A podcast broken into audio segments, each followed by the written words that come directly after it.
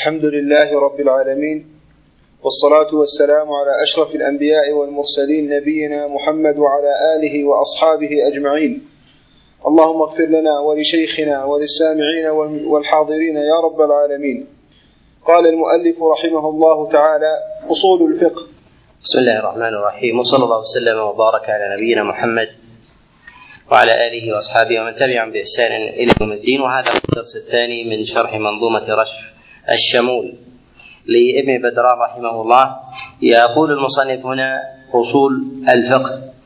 أورد المصنف هنا بعد إراده للمقدمة ومقصوده من التأليف آه، الشروع بحقيقة أصول الفقه. وتقدم معنا الإشارة آه، إلى إلى ما بينه المصنف من مقصده في التعليق وكذلك أهمية أصول الفقه. وما ينبغي لطالب العلم أيضا أن يتعلمه أن يتعلمه منها والطرق التي يسلكها يسلكها في ذلك. وهنا شرع في بيان حقيقة أصول أصول الفقه. وتقدم معنا أن أصول الفقه أنه معرفة الأدلة الشرعية الإجمالية وكيفية الاستفادة منها وحال المستفيد. وأصول الفقه إذا أردنا أن ننظر في فيها من جهة التعلم وكذلك التفقه نعلم أن محلها هي الأدلة كما تقدم الإشارة الإشارة إليه وليست هي المباحث المباحث الفرعية. فضلا أن تكون هي من جهة الأدلة ومعرفة أيضا القضايا العينية من معرفة العلة وكذلك أيضا مدار الحكم على مسألة بعينها. فضلا عن أقوال الأئمة القائلين بهذه بهذه المسائل. وإنما هي قواعد عامة من جهه من جهة الاستدلال.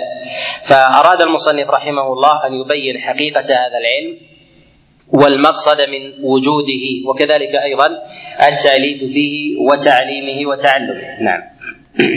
أحسن الله إليه. قال رحمه الله تعالى أمر ونهي والقياس في الطلب فعل وإجماع بذال يصطحب. تلك الأدلة على الإجمال يليهما كيفية استدلال. تقدم معنا أن موضوع وكذلك أيضا حقيقة أصول الفقه هو معرفة الأدلة الإجمالية. معرفة الأدلة الإجمالية ليست ليس المراد بذلك هو معرفة الأدلة التفصيلية، الأدلة التفصيلية كما تقدم هو معرفة الحكم العيني بدليله والقائل والقائل به وكذلك وجه الاستدلال، وهذا ليس محله هو ليس محله ما يسمى بأصول الفقه. فأراد رحمه الله أن يبين ما هي هذه الأدلة أن يشرع ابتداء بهذه الأدلة. فذكر أنها الأمر الأمر والنهي والقياس والقياس في الطلب فعل وإجماع بذلك يصطحب يعني أراد أن يبين أن هذه هي الأدلة الشرعية التي سنشرع سنشرع فيها. وتقدم معنا أن الأدلة عند العلماء منها ما هو متفق عليه وهذا كما تقدم هو الكتاب والسنة والإجماع والقياس. وهذا محل اتفاق عند العلماء ويستثنى في مسألة القياس ما يذهب إليه بعض أهل الظاهر من نفي بعض صور القياس وما يسمى بقياس بقياس الشبه وما وما دونه. وأما بالنسبة للقياس الأولى على اختلاف عندهم في تحقق الوصف في قياس الأولى فإنهم يقولون به كما هو ظاهر كما هو ظاهر في استدلال ابن حزم رحمه الله في كثير من المواضع. وجرى على نهجه بعض أئمة أهل الظاهر من المتأخرين وكذلك بعض الفقهاء من من المتمذهبين في بعض في بعض أنواع أنواع الأقيسة. فذكر بعد ذكره للأمر والنهي وكذلك أيضا القياس بالطلب والفعل والإجماع أن هذه هي تلك الأدلة على الإجمال، المراد بذلك هي الأدلة الأدلة الشرعية، ومعلوم أن الأدلة على قسمين، أدلة شرعية وأدلة وأدلة عقلية. لدينا أدلة شرعية وأدلة عقلية أو أدلة نقلية وأدلة وأدلة عقلية. هذه المباحث التي نتكلم عليها فيما يتعلق بالأدلة الشرعية. بالأدلة الشرعية التي تأخذ بالأدلة العقلية من بعض من بعض الوجوه كما في مسائل القياس وكذلك أيضا بعض بعض الطرق التي توصل إلى فهم الدليل إلى فهم الدليل الشرعي. ويتفرع عن مسألة الأدلة ومعرفتها من الكتاب والسنة معرفة أقسام هذه الأدلة. الكتاب والسنة وما يتضمن من أحكام من أحكام شرعية من الأمر والنهي وكذلك أيضا من من الإباحة وغير ذلك. هذه أدلة شرعية ثبتت في كلام الله سبحانه وتعالى وفي كلام رسول الله صلى الله عليه وسلم فوجب أن تكون أن تكون دليلا. والدليل المراد به هو المرشد. الدليل هو المرشد للإنسان ويسمى الخريط دليلا باعتبار أنه يعرف الطريق ويرشد إلى ويرشد الوصول إلى الغايه التي يقصدها يقصدها المسافر. وكذلك الإنسان بالنسبة لنظره في الأدلة من الكتاب والسنة واصطحابه لها فإنها ترشده إلى معرفة إلى معرفة الغاية التي يريد أن يصل إليها وهي امتثال ما أمر الله عز وجل آه، به ونهى ونهى عنه وهو المراد به الطاعة سواء كان بالفعل أو كان أو كان بالترك. ويأتي الكلام على أنواع وكذلك التفاصيل ما يتعلق بالأمر والنهي وكذلك أيضا ما يتعلق بالقياس. والكتاب والسنة هي أدلة متفق عليها ولا خلاف فيها عند أهل الإسلام إلا بعض الطوائف المنتسبة للإسلام ممن يردون بعض وجوه السنة بعض وجوه السنة بالهوى ما يسمى برد أخبار الآحاد وعدم الاحتجاج فيها. وهذا عند طوائف متنوعة منهم عند طائفة القرآنيين. الذين الذين يقولون لا نحتج إلا بالقرآن. وأما ما كان عن رسول الله صلى الله عليه وسلم فلا يحتج إلا بالمتواتر ومنهم من يقول لا نأخذ بأخبار الآحاد في أمور العقائد ونأخذ بها فيما عدا ذلك. ومنهم من يرد الاحاد الآحاد مطلقا في الشريعة ولا يأخذ بها إلا فيما يسمى في ابواب الآداب والأخلاق. وكذلك ما يتعلق في أمور السير والمغازي. وهذا لا شك أنه من الكلام المردود الباطل. من الكلام المردود الباطل. والله سبحانه وتعالى أمر بطاعة رسوله صلى الله عليه وسلم وإجابة النذر والرسل الذين يبعثهم النبي عليه الصلاة والسلام فكم أراق النبي عليه الصلاة والسلام من دماء بعدم إجابة كتاب كتبه إلى أحد من الناس حمله ثقة من أصحابه وهذا من أخبار الآحاد.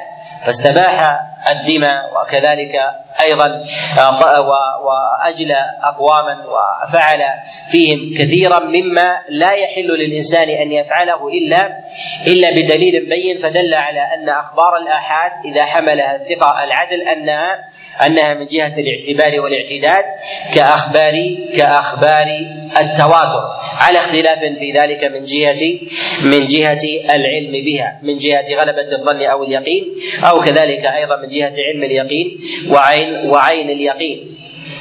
وأما ما يتعلق بالقياس فالقياس المراد بذلك هو إلحاق نظير بنظيره. وأما من جهة من جهة آه، اصطلاح الفقهاء فهو إلحاق فرع بأصل لعلة جامعة جامعة بينهما. وهذه العلة إما أن تكون ظاهرة وإما أن تكون خفية وإما أن تكون منطوقة وإما أن تكون وإما أن تكون مستنبطة. وهذا مباحثه يأتي الكلام عليه في مسألة في مسألة القياس وكذلك مسألة مسألة العلة. وفعل رسول الله صلى الله عليه وسلم تشريع. والله جل وعلا أمرنا بالاقتداء به. والاقتداء برسول الله صلى الله عليه وسلم ظاهر في القرآن. لقد كان لكم في رسول الله أسوة حسنة وأمر الله جل وعلا بما هو أبعد من ذلك من الاقتداء بسير السابقين الذين سبقوا النبي عليه الصلاة والسلام من الأنبياء والأولياء والصديقين الذين ثبت الخبر عنهم مما لم يخالف يخالفه ما, ما يخالفه ظاهر النص في كلام الله وكلام رسول الله صلى الله عليه وسلم. أولئك الذين هدى الله فبهداه هداهم اقتدي فعل النبي صلى الله عليه وسلم سنة وهدي وهو على ثلاثة أنواع. النوع الأول هو فعل فعل عبادة وهذا هو الأصل. فكل ما جاء عن النبي عليه الصلاة والسلام فهو فهو عبادة. وذلك من هديه من من من ذهابه ومجيئه وزيارته وكذلك أعماله في صلواته وكذلك آه، أيضا من صلته وكذلك و إهدائه وقبوله وأسفاره ونحو ذلك. الأصل في ذلك أنها تشريع. الأصل أنها أنها تشريع. فإذا ذهب النبي عليه الصلاة والسلام في سرية أو غزوة فهذه من العبادة. فهذا من العبادة. وإذا زار النبي عليه الصلاة والسلام أحدا بعينه من أرحامه أو جيرانه أو نحو ذلك أو أجاب دعوة فهذه الأفعال بمجردها هي من أفعال العبادة. وعلى هذا نقول إن الأصل في أفعال النبي التعبد إلا لصارف لصارف يصرفها عن ذلك. النوع الثاني أفعال أفعال عادة يفعلها النبي عليه الصلاة والسلام للعادة وهذه العادة أمارتها أن أن النبي عليه الصلاة والسلام يشترك مع مع عادة أهل عصره مؤمنهم وكافرهم. فهذا الذي يصرف الفعل من من العبادة إلى العادة. وهذه الأفعال التي يفعلها النبي عليه الصلاة والسلام كالألبسة والأشربة ونوع الطعام ونحو ذلك مما يفعله النبي عليه الصلاة والسلام كسائر قومه. فرسول الله صلى الله عليه وسلم يأكل مما يأكل به أهل زمنه. لا يجلب طعاما مخصوصا له بعينه فانما يأكل ما يأكل منه الكافر وما يأكل منه المؤمن شريطة الا يدل الدليل في كلام الله أن الله عز وجل حرمه. وهذا وهذا لا يكون من رسول الله صلى الله عليه وسلم إلا امتثالا إلا امتثالا لربه. فيحمل أن الامتناع من رسول الله صلى الله عليه وسلم من ذلك انه أنه عبادة لقرينة ورود الدليل. وعلى هذا نحمل ألبسة النبي عليه الصلاة والسلام وكذلك طعامه أنه يشترك مع غيره. فالإزار والرداء والعمامة والحذاء وكذلك لبس الجبة والألوان ونحو ذلك فإن هذا مما مما يعتاد عند عند العرب. فالنبي عليه الصلاة والسلام يلبس ألبسة يلبسها يلبسها أهل الكفر من كفار من كفار قريش. لهذا نقول إن أبا لهب وأبا جهل وأمية وغيرهم يلبسون لباس النبي عليه الصلاة والسلام. فنقول إن هذا إن هذا اللباس ليس من لباس العبادة وإنما هو وانما هو من العادة. ولهذا نقول إنه لا يوجد لباس يسمى لباس الصالحين، لا يوجد لباس في الإسلام يسمى لباس الصالحين وإنما يوجد لباس لباس المؤمنين، لباس أهل الإسلام ولباس أهل الكفر، مع ذلك لا يوجد لا يوجد شيء يختص باهل بأهل الصلاح عن أهل الفساد. واهل الفساد إذا لبسوا لباسا بعينه فإنه إما أن يقال إن هذا اللباس قد اختصوا به فإنهم خرجوا عن مجموع أهل الإسلام لم يخرجوا عن مجموع أهل عن مجموع أهل الصلاح ولهذا الألبسة التي يلبسها كثير ممن ينتسب إلى العلم في بعض البلدان الإسلامية من عمامة أو قبعة أو غير ذلك هذا هل هذا زي صحيح أم ليس بصحيح؟ ليس بصحيح. لهذا نقول إنه لا يوجد زي لأهل العلم ولا يوجد زي لأهل الصلاح وإنما يوجد زي لعامة أهل الإسلام. يلبس الإنسان ما يلبس أهل أهل أهل عصره. فإذا تزي عالم بزي فهذا فهذا من من الإحداث والابتداع فيلبس ما يلبسه جاره وما يلبسه أهل السوق ونحو ذلك كما كان النبي عليه الصلاة والسلام يلبس النوع الثاني أو النوع الثالث من أفعال رسول الله صلى الله عليه وسلم هو فعل الجبلة. فعل الجبلة ما يفعله الإنسان فطرة. يفعله الإنسان فطرة من غير من غير اختيار. وهذا يخرج النوع الأول والثاني وذلك أن فعل العبادة يختاره الإنسان وفعل العادة يختاره الإنسان. اختار الإنسان اللون باللباس وكذلك الجبة والعمامة اختارها عن غيرها. ولكنه أراد موافقة أهل أهل عصره. فعل الجبلة هو التي يفعلها الإنسان طبيعة خلق عليها. وذلك كمشيته كمشيته مشية الإنسان بطبيعته له طريقة في المشية يعتادها ولهذا يرى الناس بعض أفعال الناس أو يراه من قفاه من بعيد فيقول هذا فلان. لماذا؟ لأن له جبلة فعل فطر عليها. النبي عليه الصلاة والسلام من أفعاله الجبلية أنه إذا مشى كأنما يمشي من صبب أي كأنه منصب من قمة الوادي إلى بطنه. من؟ من رأس من رأس الجبل إلى إلى أسفله. فنقول إن مثل ذلك إن مثل هذا جبلة. الإنسان قد يكون سريعا قد يكون بطيئا قد يكون متراخيا قد يكون مائلا أو نحو ذلك. فهذه من المشية التي لا يختارها الإنسان. يدخل في ذلك ما يسمى بالتشهي. من التشهي؟ تشهي الإنسان لطعام معين. ونحو ذلك. فإذا اختار الإنسان طعاما معينا بعينه فهذا مرده إلى الجبلة كأكل الدباء أو الكتف من الطعام ونحو ذلك. هذه يختارها الإنسان جبلة. ولهذا تجد الناس في بيت واحد هذا يحب طعاما وهذا يحب طعاما وهذا يحب طعاما من غير اختيار من أب أو أم وهذا أمر فطري. لا علاقة للإنسان للإنسان به. لهذا نقول إن أكل الدباء ليس بسنة ونهش الإنسان من الكتف ليس بسنة ولكن هذا من أمور الجبلة من أمور من أمور الجبلة التي يجبل عليها الإنسان بحب طعام بعينه إلا إذا دلت قرينة إلا إذا دلت قرينة صارفة صارفة عن ذلك. وذلك بفعل بالأمر المقترن بالفعل أو كذلك حث غيره عليه. بحث غيره عليه فاقترن الفعل بالقول فعرف أن المراد بذلك أن المراد بذلك التشريع. وهذا يدخل فيه كثير من الأمور كما مسألة شرب ماء زمزم ونحو ذلك فإن هذا لم يكن مجرد فعل. ولو ذهب النبي عليه الصلاة والسلام إلى مكة وشرب من ماء زمزم ولم يأتي أدلة بالحث عليه وبيان فضله لقيل بأن هذا من أمور العادة وهو بئر من الابار ولكن اقترن الفعل اقترن الفعل بحث بحث من رسول الله صلى الله عليه وسلم وبيان فضل فكان ذلك من فكان ذلك من آه، فكان ذلك من سنن رسول الله صلى الله عليه وسلم العملية والقولية. وأراد المصنف رحمه الله أن يبين أيضا منزلة الإجماع وأنه من الأدلة المتفق المتفق عليها. والإجماع لا خلاف عند العلماء فيه وتقدم معنا تعريفه وأعلى الإجماع وأفضله وأقوى هو إجماع أصحاب رسول الله صلى الله عليه وسلم. والله جل وعلا أمر باتباع سبيل المؤمنين وبين النبي صلى الله عليه وسلم كما جاء في كما يروى في الخبر قد تكلم فيه العلماء أن الأمة لا تجتمع على ضلالة. وهذا محل اتفاق عندهم وبالنسبة لإجماع الصحابة له مواضع من جهة معرفتها ويعرف بالنقل. أصحاب النبي عليه الصلاة والسلام حكي الإجماع عنهم في بضع مئين آه، من من من حكايات من المواضع وهي تقرب من 300 من 300 موضع. نسب الإجماع الإجماع فيها إلى أصحاب رسول الله صلى الله عليه وسلم فيما يتعلق بعضها في الأصول الكلية وبعضها في أعلام المسائل ومشهورها ومن جمله من جملة الفروع. واصطحاب الحال كذلك أيضا اصطحاب الأصل هذا أيضا من الأدلة عند العلماء. وهو وهي مما يقول به جمهور جمهور العلماء أن الإنسان إذا لم يكن لديه دليل ناقل عن الأصل فيبقى على الأصل الذي هو الذي هو الذي هو عليه. فإذا كان على حكم معين فيستديمه الإنسان.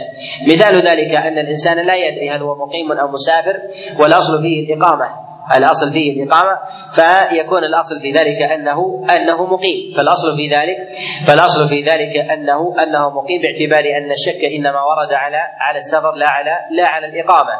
كذلك أيضا بعكسه في حال الإنسان بالنسبة إذا كان مسافرا فشك هل هو مقيم أم لا.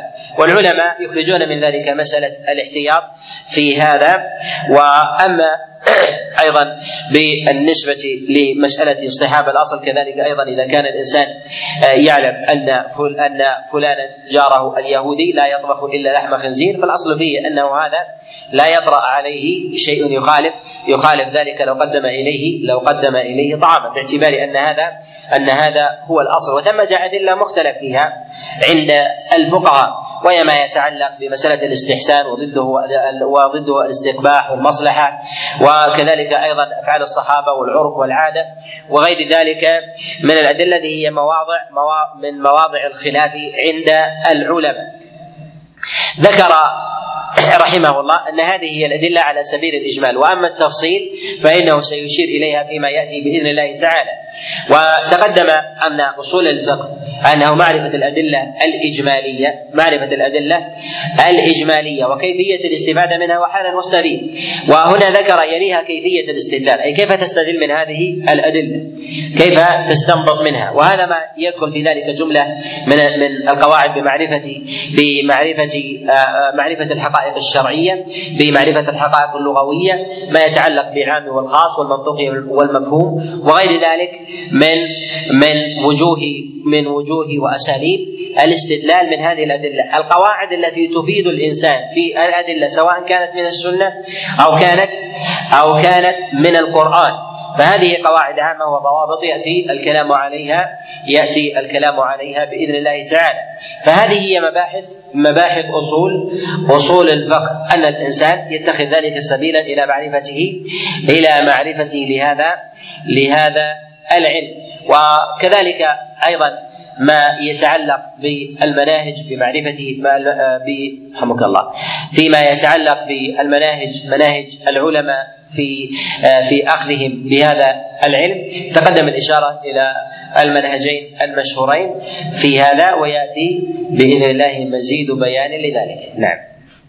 أحسن الله إليه. قال رحمه الله تعالى صفات صفات حال الاجتهاد المستدل معروفة وهكذا عنهم نقل. المستفيدون من من ما يسمى بأصول الفقه هم اثنان المجتهد والمقلد.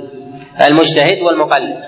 وذلك أن المجتهد يستفيد من هذا العلم بالبحث والنظر والتقصي وإلحاق المسائل الفرعية بأصولها حتى يخرج بالحكم بالحكم إلى المقلد والمقلد يأخذ بهذا الحكم. فقد يقال إن المجتهد أن إن المجتهد عامل إن المجتهد عامل وباحث. وأما بالنسبة للمقلد فهو عامل وليس بباحث. فما يعمله المقلد يعمله المجتهد وزيادة. فالمجتهد اجتهد وعمل والمقلد عمل ولم ولم يجتهد. ولهذا كان المجتهد أشرف أشرف وأفضل من العام.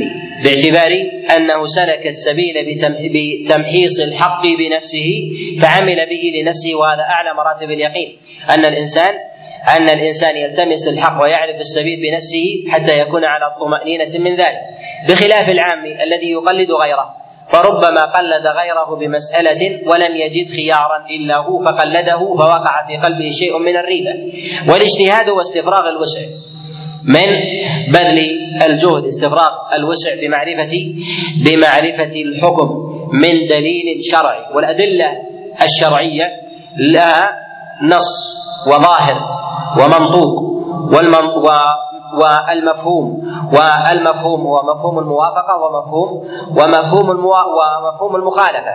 هذه المواضع التي يستفيد منها الإنسان أو المجتهد بالنظر إلى بالنظر إلى الدليل. أن ينظر إلى النص وأن ينظر إلى ظاهره وأن ينظر إلى منطوقه وأن ينظر إلى إلى مفهومه. وأن ينظر إلى المفهوم. فأقوى وجهي المفهوم هو مفهوم الموافقة. ويأتي بعد ذلك وهو المرتبة الثانية ومفهوم المخالفة. ومفهوم المخالفة يسميه الأصوليون بدلالة الخطاب دلالة الخطاب. وهو ما يعرفه الإنسان باللزوم باللزوم. أنه يلزم من هذا النص معنى معنى آخر. وقد نقول إن الإنسان أيضا إن دلالة النص يستفيد منها الإنسان ثلاثة أشياء. الشيء الأول بتضمن الحكم للدليل. تضمن الحكم للدليل. وهذا التضمن أن يكون الدليل أعم ويلحق حكم هذه المسألة بالدليل العام. فيكون الدليل قد شمل هذه المسألة وغيرها فتضمن هذا الحكم دليلا دليلا عاما. وهذا يكون في في في الآيات العامة وكذلك أيضا الأحاديث الكلية ويكون في ويكون في القواعد. الأمر الثاني المطابقة مطابقة الحكم للدليل بعينه ككثير من الأدلة التي تطابق الحكم بعينه ولا يستفيد منها الإنسان غير ذلك.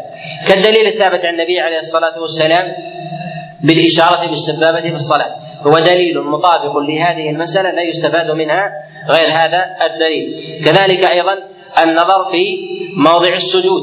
ونحو ذلك. فهذا يستفاد منه في هذه المسألة بعينه. فهو مطابق لها لا يدخل في ذلك لا يدخل في ذلك غير هذه هذه المسألة. لهذا نقول إن الأحكام الشرعية إما أن تكون متضمنة وإما أن تكون إما الأدلة إما أن تكون متضمنة لذلك الحكم وإما مطابقة له وإما أن يكون ذلك على سبيل اللزوم. وإما أن يكون على سبيل اللزوم فيكون الدلالة دلالة مطابقة ودلالة تضمن ودلالة ودلالة اللزوم أو دلالة دلالة التزام. وهذا ما يدخل في أبواب في أبواب المفهوم. وهذه هي الطرق التي يسلكها يسلكها الناظر في معرفة الدليل. أعلى ما يلتمسه المجتهد في الدليل هو النص. هو النص فإذا جاء نص في مسألة من المسائل فإنه أقوى وجوه وجوه الأدلة. ثم يأتي بعد ذلك ثم يأتي بعد ذلك الظاهر ثم يأتي بعد ذلك المنطوق. ثم يأتي بعد ذلك المنطوق ثم يأتي بعد ذلك المفهوم بمفهوم الموافقة والمخالفة. ومفهوم الموافقة يأتي فيه الأنواع السابقة. أي أن هذا الحكم قد وافق قد وافق الدليل إما بنصه وإما بمنطوقه وإما وإما بظاهره. نعم. أحسن الله إليك. قال رحمه الله تعالى باب تعريف الفقه والواجب والمندوب والمحرم والمكروه والمباح. هنا يبدأ المصنف بذكر التفاصيل في التي تتضمن تلك الأدلة. ومعلوم أن الأدلة الإجمالية التي ذكرها ما يتعلق بالكتاب والسنة والقياس والاجماع ونحوها أن هذا يتضمن جملة جملة من التفصيلات. وهذه التفصيلات هي الأحكام التكليفية هي الأحكام التكليفية. لهذا نقول إن الأحكام الشرعية أحكام تكليفية وأحكام وأحكام وضعية. وهذا ما يتعلق بالأحكام بالأحكام التكليفية الشرعية.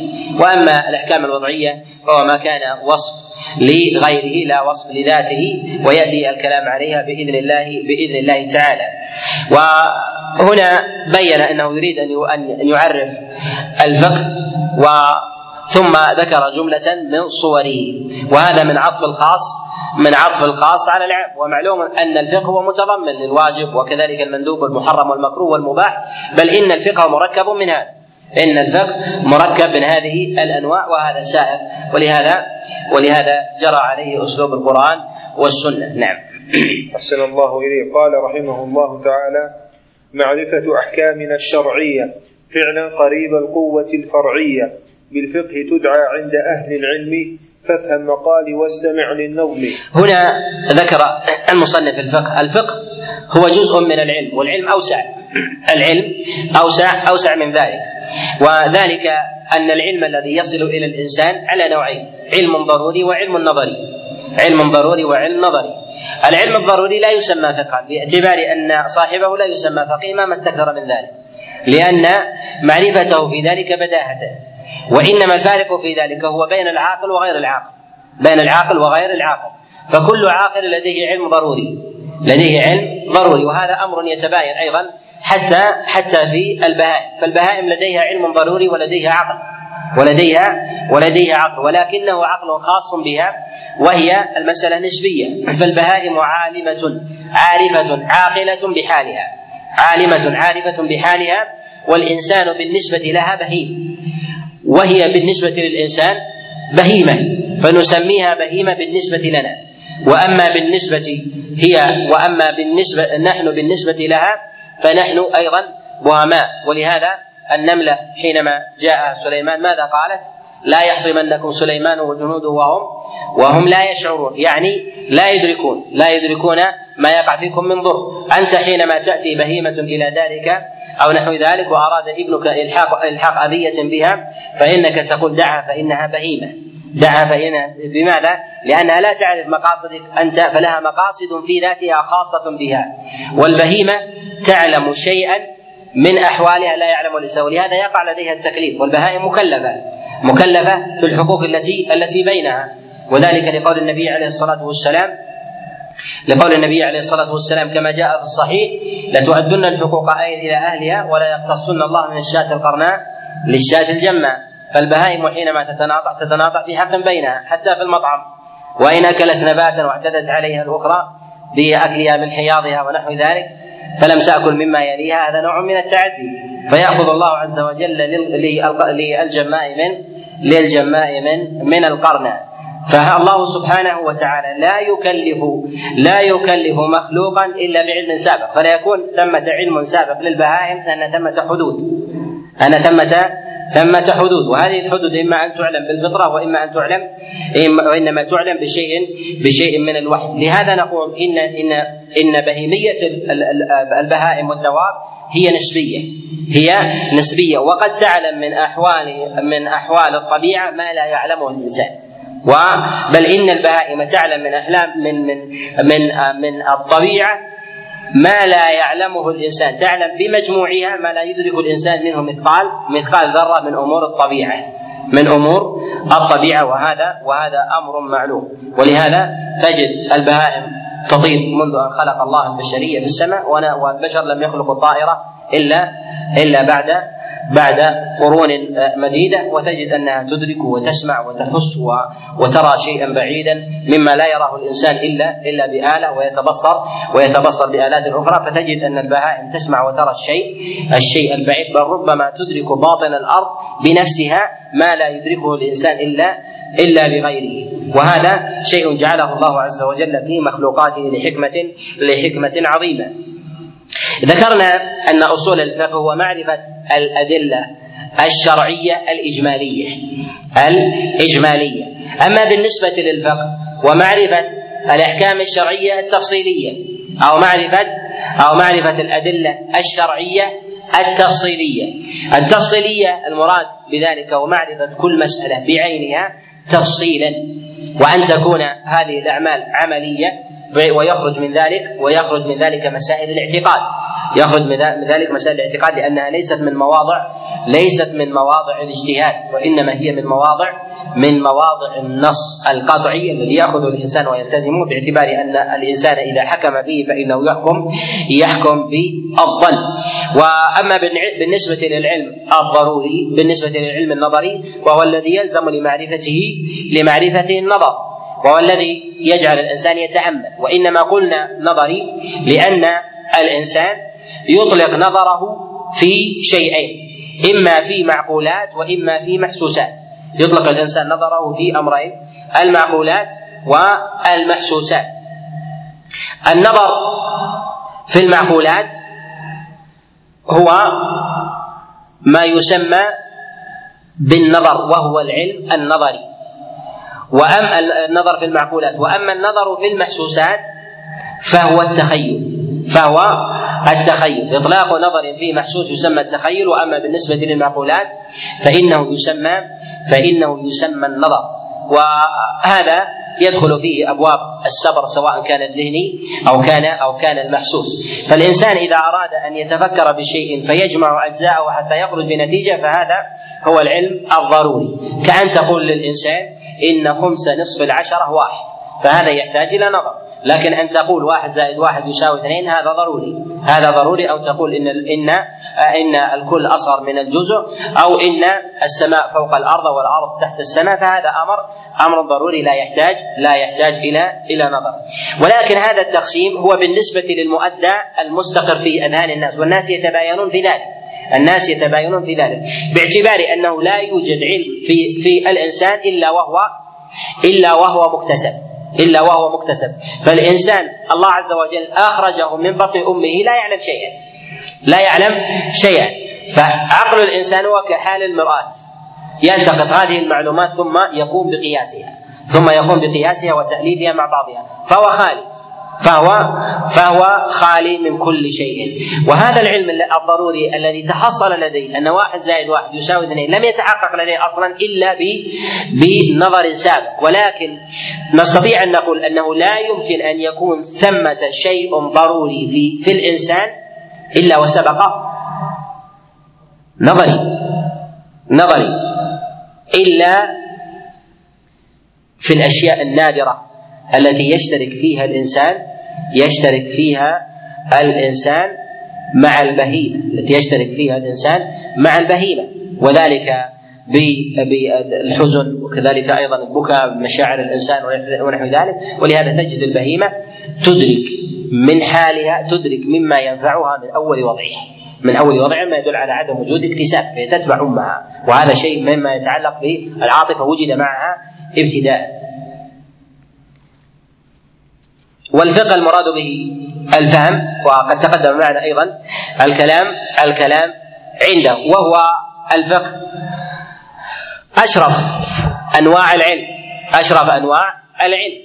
وذلك أنه يحتاج إلى نظر والنظر يحتاج إلى إلى تتبع واجتهاد. وهذا التتبع والاجتهاد هو سبيل الجنة كما قال النبي عليه الصلاة والسلام من سلك طريقا يلتمس فيه علما سهل الله له به طريقا إلى الجنة. ويقول النبي عليه الصلاة والسلام كما جاء في الصحيح من يريد الله به خيرا يفقهه في الدين. وغير ذلك من من من الأدلة التي تدل على فضل على فضل العلم ومزيته وفضل الفقه ومزيته ومزيته على غيره من أنواع أنواع العلوم.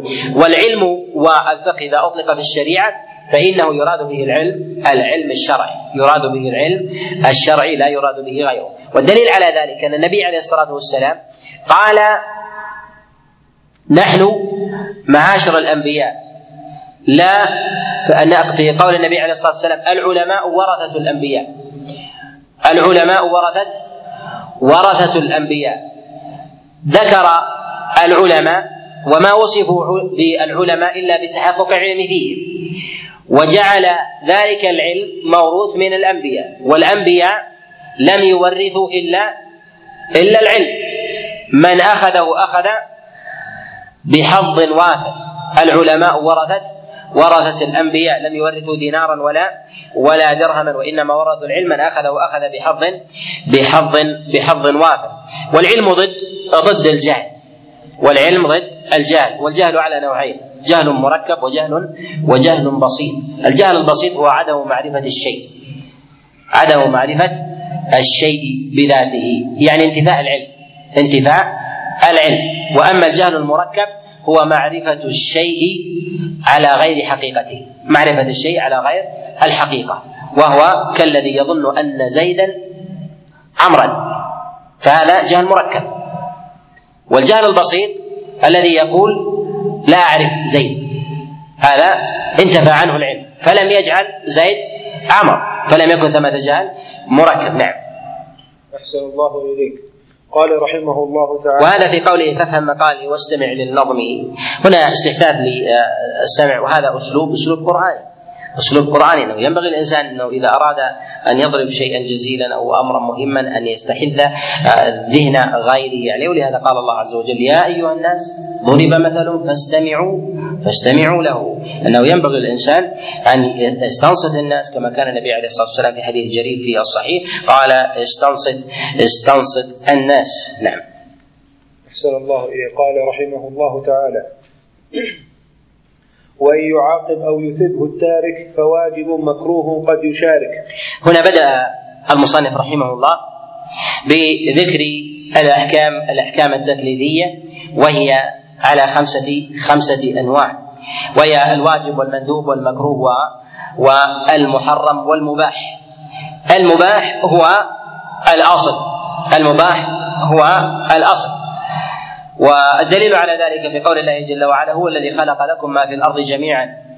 فالله سبحانه وتعالى خلق لنا ما في الأرض جميعا وجعله ملكا لنا من جهة التصرف والاختيار والانتقاء. وهذا دليل على ماذا؟ وهذا دليل على الملكية وحرية الفعل من لباس وشراب وكذلك أيضا ضرب في الأرض. فالله سبحانه وتعالى جعل الأصل في هذه المخلوقات أنها لنا. فكل مطعوم فكل مطعوم الأصل فيه الاباحه وكل أرض الأصل فيها إباحة السكنان وكل مشروب الأصل فيه الأصل فيه إباحة إباحة الشرب. وهذا وهذا هو الأصل. كذلك أيضا في أفعال الناس. لأن أفعال الناس متعدية. إنما هي أخذ وعطاء أو انتقال وتحول أو مكث وحركة. فهذه تصرف في تلك المخلوقات التي خلق الله عز وجل فيها فيها الإنسان ليختار. وهذا دليل على أن الأصل أن الأصل في آه، الأحكام أن الإباحة. وهناك من يتحفظ على ذكر الإباحة في الأحكام التكليفيه باعتبار عدم وجود كلفة فيها. وإنما يذكرون ذلك على سبيل على سبيل التفصيل والبيان على سبيل التفصيل والبيان. وذلك أن الإباحة لا يرغب فيها التكلف. الله جل وعلا أمر بجملة من الأحكام وجعل تلك الكلفة على قدرها. وإنما سميت تكليفية لإثبات الشارع الكلفة فيها. قال الله جل وعلا لا يكلف الله نفسا إلا وسعها. فأثبت الكلفة ولكنها على قدر الوسعة والطاقة. فهذه فهذه التكليفات هي تلك الأوامر الشرعية. الإباحة الإباحة هل هي من أحكام التكليف من أحكام التكليف أم أم لا؟ نقول إن تناول المباح إن تناول المباح الأصل فيه أنه لا كلفة لا كلفة فيه. ولكن قد يقع فيه فيه كلفة قد يقع فيه فيه كلفة وذلك بإظهار نعمة الله عز وجل على الإنسان وكذلك بضربه في الأرض وسعيه فيها في الأمور بالأمور المباحة بالتنقل والذهاب والمجيء. فهذه أمور أمور مباحة ولكن لا مشقة للإنسان فيها وإنما هي رغبة وهذه الرغبة يقع للإنسان تبعا فيها مشقة. فالذي يسافر وسفره مباح وهو راغب سياحه أو ضرب في الأرض ونحو ذلك فهذا وإن كان مباحا إلا أنه يجد مشقة وكلفه تتضمن ذلك المباح.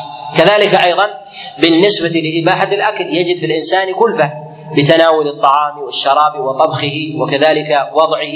ربما يجد في الإنسان في ذلك مشقة. ولهذا نقول إن المباح في ذاته من جهة الأصل لا كلفة فيه باعتبار أن النفس ترغب ترغب إياه. وأما بالنسبة لعمله فإنه يرد في ذلك كلفة ولكنها محبوبة لدى لدى الإنسان. كما في حال العبادة أيضا فالإنسان يكلف بالأمر الواجب ولكن الواجب قد يصل لدى بعض الناس الصالحين ما يحببه على كثير من ملذات ملذات أهل الشهوات. فيجد متعة في العبادة كما في في النبي عليه الصلاة والسلام في الصلاة في الصلاة. قال وجعلت قرة عيني في الصلاة. النبي عليه الصلاة والسلام جعل الله قرة عينه أي الإنسان تقر عينه كما تقر عينه بالمال وبالزوجة وبالولد. جعل الله عز وجل قرة عين النبي عليه الصلاة والسلام بالصلاة وهذا مقام مقام علي أن الإنسان يتشوف للعبادة. والأصل في ذلك أنها كلفة. الأصل في ذلك أنها كلفة ويخرج من ذلك الحال الحال النادرة. وذكر هنا أول هذه الأقسام. قال وإن يعاقب أو يثيبه أو يثيبه أو يثيبه التارك فواجب مكروه قد يشارك. الواجب في لغة العرب هو السقوط. ولهذا قال الله عز وجل فإذا وجبت جنوبها أي سقطت. وإنما سمي الواجب واجبا لأن الله أنزل وأسقط حكمه في الأرض. وأسقط حكمه حكمه في الأرض. فأنزله من السماء إلى الأرض فسمي واجبا. ولهذا نقول إن اللفظ في لغة العرب جاء موافقا لبعض الاستعمالات الشرعية كما جاء في الصحيح في قول النبي عليه الصلاة والسلام غسل الجمعة واجب على كل محترم أي مشروع منزل من الله عز وجل أنزله الله عز وجل علينا. فمسألة الوجوب هي السقوط والنزول من علو وهذا فيه إشارة على تشريف ذلك المأمور به. لهذا كان المأمور الواجب أفضل وأعظم عند الله من غيره باعتبار كونه كونه منسوب إلى إلى العلو. وذلك أن الإنسان إذا أمر من شريف امتثل ذلك الأمر وعينه قريرة وعينه وعينه قريرة لهذا كان فعل الواجبات أعظم من فعل المستحبات على الإنسان، فعل الواجبات أعظم من فعل المستحبات على الإنسان وأعظم أجرا، فكل واجب أعظم من المستحب من جنسه، ومن غير جنسه إلا لقليله، فالصلاة الواجبة الفرائض كل فريضة أفضل من جميع السنن من جنسها، لهذا نقول ما أوجبه الله من الصلوات الخمس أعظم من السنن الرواتب، ما كان متأكدا أعظم أعظم مما كان مطلقا. فالسنن التي يأمر الله عز وجل بها تحديدا بعينها كالسنن الرواتب سنة الفجر سنة الظهر سنة سنة المغرب سنة العشاء كذلك صلاة الوتر هذه سنن محددة. أفضل من المطلقة. أفضل أفضل من المطلقة. فكلما قيد العمل بنوع من أنواع التقييد في ذاته في وصفه بزمن معين فإنه اكد من غيره. لماذا؟ لأن الكلفة زادت. أن الكلفة الكلفة زادت. إما من جهة الوصف وإما من جهة وإما من جهة الزمن. من جهة الوصف وإما من جهة الزمن أو من جهة العدد. فنقول ذلك أن هذا دليل على مقدار لماذا؟ لأن الإنسان بطبعه يريد الاختيار. لأن الإنسان بطبعه يريد الاختيار. فإذا جاء ذلك على خلاف طبعه دل على أن امتثاله أمارة على قوة إيمان أمارة على قوة إيمان. وهذا كما أنه في في المأمورات كذلك أيضا في المنهيات كذلك أيضا في المنهيات. فالله ينهى عن أشياء فإذا كانت هذه المنهيات موسعة دل ذلك دل ذلك على تعظيمها عند الإنسان تعظيمها عند الإنسان وتعظيمها عند الله. الإنسان حينما ينهى عن شيء على سبيل الدوام أعظم. أعظم عليه من جهة الحرج. وإلا لا لهذا تجد إطلاق البصر محرم في كل حين. لا يرخص في حين دون دون حين. هذا هو الأصل فيه. بخلاف ما يتعلق بالحاجات والضرورات فهذا أمر أمر آخر. كذلك ما يتعلق بحال الإنسان السرقه الزنا شرب الخمر. فكلما تلبس الإنسان به وكان قريبا منه فإن الأجر في ذلك في ذلك أعظم عند الله والثواب فيه أعظم، لماذا؟ لأن الإنسان يتلبس به وهذا ينافي ينافي اختياره، بخلاف المنهي على على سبيل التعيين. النهي على سبيل التعيين. كالنهي عن الصلاة مثلا عند عند طلوع الشمس وعند وعند غروبها. هذا يخالف عن مسألة النهي فيما هو أوسع فيما هو أوسع من ذلك. لهذا نقول إن النهي من صلاة العصر إلى صلاة المغرب أطول من النهي عند طلوع عند طلوع الشمس. فمن أقبلت نفسه على الصلاة وكان من أهل الصلاة من جهة امتثاله للصلاة بالنهي عن الصلاة بعد صلاة العصر إلى غروب الشمس آكد وأعظم في نفسه وأعظم أجرا عند الله. وكذلك كما تقدم الإشارة إليه أن تعظيم الأعمال يرجع فيه إلى يرجع فيه إلى أمرين. يرجع فيه إلى تقدير الشارع لذلك الفعل وإلى أيضا إلى تعظيم ذلك في نفس الإنسان. والشارع يعظم منهيات من وجه كتعظيمه النهي عند طلوع الشمس وعند غروبها أعظم من النهي بعد صلاة العصر إلى غروب الشمس. ولكنها لما كانت موسعة للمتعبد المقبل يكون عند المتعبد المقبل أشد أشد حرجا وامتثاله أعظم أعظم اجرا عند الله سبحانه وتعالى. وهذا وهذا له صور صور متنوعة. وأما الواجب من جهة الاصطلاح هو ما يثاب الإنسان على فعله ويعاقب ويعاقب على تركه. ويعاقب على على تركه. وأما بالنسبة للمكروه هو ما يثاب الإنسان على تركه امتثالا ولا يعاقب على فعله لا يعاقب على على فعله ويقابله في ذلك المندوب وهو المستحب ويأتي الكلام عليه. والواجب أمر الله سبحانه وتعالى به وذلك لمصلحة العبد بذاته. لهذا جعله الله عز وجل على قدر المستطاع. لهذا قال سبحانه وتعالى فاتقوا الله ما استطعتم.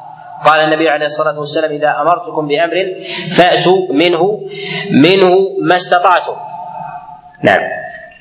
أحسن الله إليه قال رحمه الله تعالى وإن بذاك وإن بذاك فاعل وهنا في هذا المسألة نحن نتكلم على الأصل في الأحكام الشرعية قد يكون لذلك استثناء. قد يكون لذلك لذلك استثناء. وذلك لورود مثلا أن الواجب أن الإنسان آه، إذا فعله يثاب وإذا تركه يأثم. لكن قد تأتي صورة أن الإنسان إذا فعل الواجب أثم وإذا تركه أجر وهذا يكون في صور في حال ورود مفسدة في الإنسان أو وجود هلكة فيه. كالإنسان مثلا أوجب الله عليه القيام في الصلاة فإذا قام نصحه الأطباء أو بينوا له أنك إذا قمت في الصلاة ستصاب بالأذى أو بالموت أو نحو ذلك. أو من من من له مثلا عمل عملية في عينه أو نحو ذلك وقال له الطبيب إن سجدت ستسقط العين. تسقط العين. هذا هذا يحدث. ونقول في مثل هذا إن فعلك للواجب هنا إثم وتركك له احتسابا أجر. احتسابا أجر وهذا في صور متنوعة وإنما عطلنا هذا الدليل في هذا الموضع لدليل هو أولى أعظم من ذلك ويأتي الكلام عليه بإذن الله بإذن الله تعالى. نعم. قال رحمه الله تعالى وإن بذاك فاعل يخصص فالندب والتحريم فيه نصصا التحريم مأخوذ من الحرمة.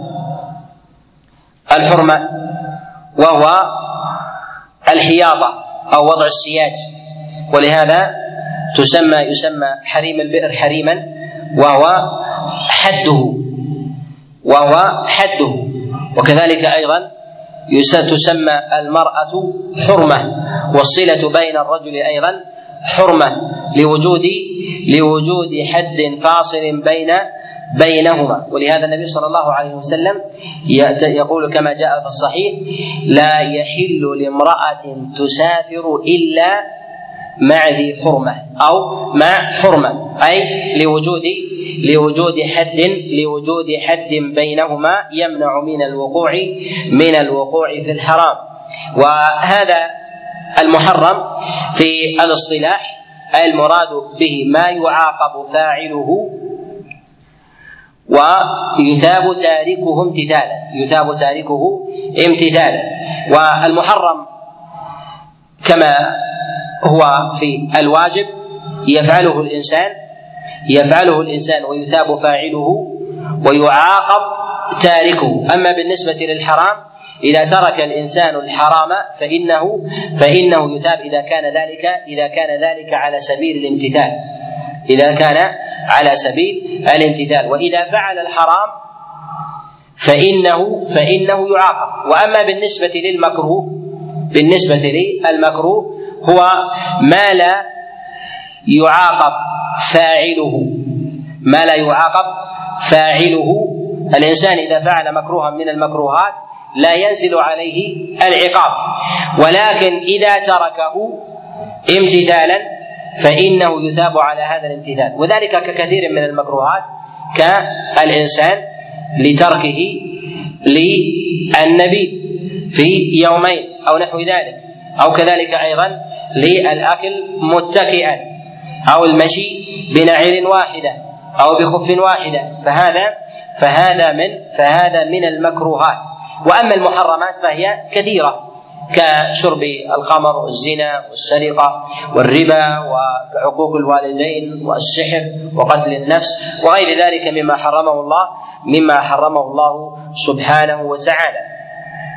وهذا إنما قدم ذكر الواجب لأن الواجب اشرف أشرف أنواع التكليف. الواجب أشرف أنواع أنواع التكليف لأنه يظهر فيه الامتثال يظهر فيه الامتثال بخلاف التحريم لأنه ترك التحريم ترك والوجوب فعل والوجوب عمل والعمل يظهر أكثر من التروك والتروك في الغالب أنها تكون أظهر في اعتراضها من من الأفعال والأفعال ترد على الإنسان أكثر من التروك لأن الإنسان لا بد أن يفعل امتثالا. وأما الترك فقد يترك بلا امتثال. ولهذا ربما الإنسان تعاف نفسه السرقة وتعاف نفسه الربا تعاف نفسه قتل النفس وتعاف نفسه السحر ونحو ذلك. ولكن ليس بذلك أنه امتثال لله عز وجل. لا يأثم بذلك. ومن وجه آخر أن الواجب لا بد أن يتح... لا بد أن تتحقق فيه النية. وإذا تحققت فيه النية لا بد أن يتحقق فيه الإثم لسلامته. لا بد أن يتحقق فيه النية لسلامته. وإلا لا يسمى لا يسمى امتثالا. وهو ولهذا نقول إنما يؤمر به الإنسان ما يؤمر به الإنسان ويفعله ويفعله امتثالا وذلك العمل الواجب وأما من جهة حقيقته من حقيقة الأمر الواجب المنفصل عن الفعل فنقول إن الواجب ما يثاب فاعله ويعاقب ويعاقب تاركه. ما يثاب فاعله امتثالا ويعاقب ويعاقب تاركه. الإنسان إذا فعل الواجب من غير امتثال هذا وقع في محرم. وقع وقع في محرم. وأما إذا فعل الواجب امتثالا فإنه يثاب يثاب على ذلك. أما المحرم إذا تركه من غير امتثال لا يعاقب على ذلك. ترك السرقة احتراما لأبيه. ترك السحر لطلب الناس له أو نحو ذلك. فهذا فهذا في ذلك نقول إنه بتركه ذلك بتركه لهذا العمل خشية أن يقع الناس في عرضه. هل هذا أمر من من الأمور المقصودة؟ نعم. هذا من الأمور المقصودة. لأن ترك المحرم لغير الله مقصود في ذاته من مقاصد الشريعة. وترك المحرم لله مقصود أيضا وهي مرتبة الصالحين. مرتبة الصالحين. الدليل على ذلك حديث حديث النعمان بن بشير لقول رسول الله صلى الله عليه وسلم الحلال بين والحرام بين وبينهما أمور مشتبهات أو أمور مشبهات. لا يعلمهن كثير من الناس. فمن اتقى الشبهات فقد استبرأ لدينه وعرضه لدينه وعرضه.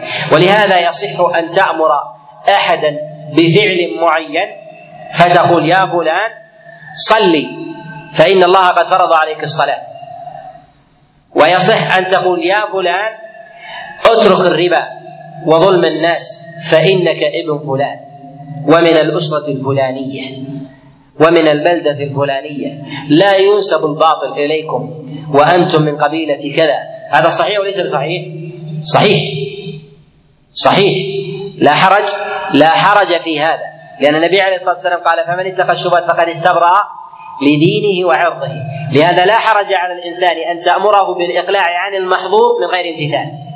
لأنك تعلم أنه يقلع عن ذلك أكثر ممن لو أمتثل بالدين. لهذا يقول عمر وعثمان إن الله لا يزع بالسلطان ما لا يزع بالقرآن. ويزع يعني يردع والردع يكون في ترك المحظور لا بفعل الواجب في الغالب. ولهذا نقول إن فعل الواجبات أعظم وأشرف من ترك المحظورات من ترك من ترك المحظورات. وإن كان يلزم لفعل الواجب ترك محظور فحينما يأتي الإنسان بالتوحيد يلزم ترك الشرك. يلزم ترك الشرك لكن ليس على كل حال. فالإنسان قد يدع الزنا ولا يتزوج وقد يدع الربا ولا يبيع وهكذا. وقد يدع السرقة ولا يتكسب وهكذا. ولهذا نقول إن فعل الواجب أشرف من من فعل من من ترك المحظور لأن الواجب لا يمكن أن يصح إلا بامتثال وأما المحظور فيصح بلا امتثال. والمرتبة العالية للمحظور أن يدع الإنسان المحظور عليه أن يدع الإنسان المحظور عليه امتثالا لله عز وجل. ولكن لا يجوز الإنسان أن تأمره بالصلاة فتقول يا فلان صلي لأنك ابن فلان. هذا لا يجوز. لماذا؟ لأنك تحثه على أن يعمل العمل لغير الله. أن يعمل العمل لغير الله. وهذا العمل هو واجب. أما ترك المحظور فتقول يا فلان دع هذا اللباس. ليس لك فأبوك فلان وأخوك فلان. وأنتم من أسرة كذا فهذا اللباس لباس محرم لبس الحرير أو لبس الشهرة أو أو التشبه ونحو ذلك هذا أمر جائز لأن المقصود الإقلاع. المقصود الإقلاع. وأما بالنسبة لورود النية فهي يكسب بها الإنسان اجرا ولا يرفع بها اثما وإنما الإثم يكون ب يكون بالتروك ولهذا نقول إن الواجب إنما يقدمه العلماء لشرفه وعلو منزلته. لشرفه وعلو منزلته. لهذا أكد الله عز وجل الأوامر في الشريعة وجاءت المأمورات في الشريعة أكثر أكثر من من المنهيات. أكثر من المنهيات لأن أيضا المنهيات تنافي أصل الاختيار في الإنسان تنافي أصل الاختيار في الإنسان بخلاف الأمر بالوجوب بخلاف الأمر الأمر بالفعل وذلك من وجه وهو أن الإنسان إذا أمره الله عز وجل أن يفعل شيئا بعينه الإنسان يحب أن يختار نقول افعل ثم اختر ما تشاء اختر ما تشاء اذا الوجوب في ذاته لا ينافي لا ينافي حق الإنسان في اختياره في غير ذلك في غير ذلك الواجب ولا يعطل له غيره. أما بالنسبة للنهي فإنه يعطل امرا على سبيل الدوام. يعطل أمر للإنسان على سبيل على سبيل الدوام. فينهى عن السرقة ينهى عن الزنا ينهى عن شرب الخمر ينهى عن الربا على سبيل على سبيل الدوام. فليس للإنسان اختيار في هذا في هذا الأمر. ولهذا نقول إن الشريعة في امور في أمور المحظورات تلغي. وأما في أمر الواجبات فإنها لا تلغي. فإنها لا تلغي. ولهذا نقول ان إن المحظور إنما المحظور إنما كان أقل ورودا في الشريعة من الواجب لأنه من وجه الغاء لأنه إلغاء وهذا فيه كلفة على الإنسان والله عز وجل لا يكلف نفسا إلا وسعها.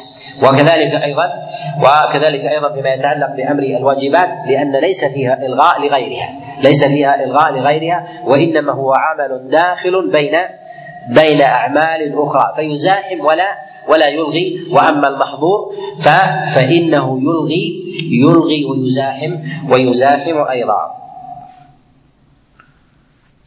أحسن الله إليك.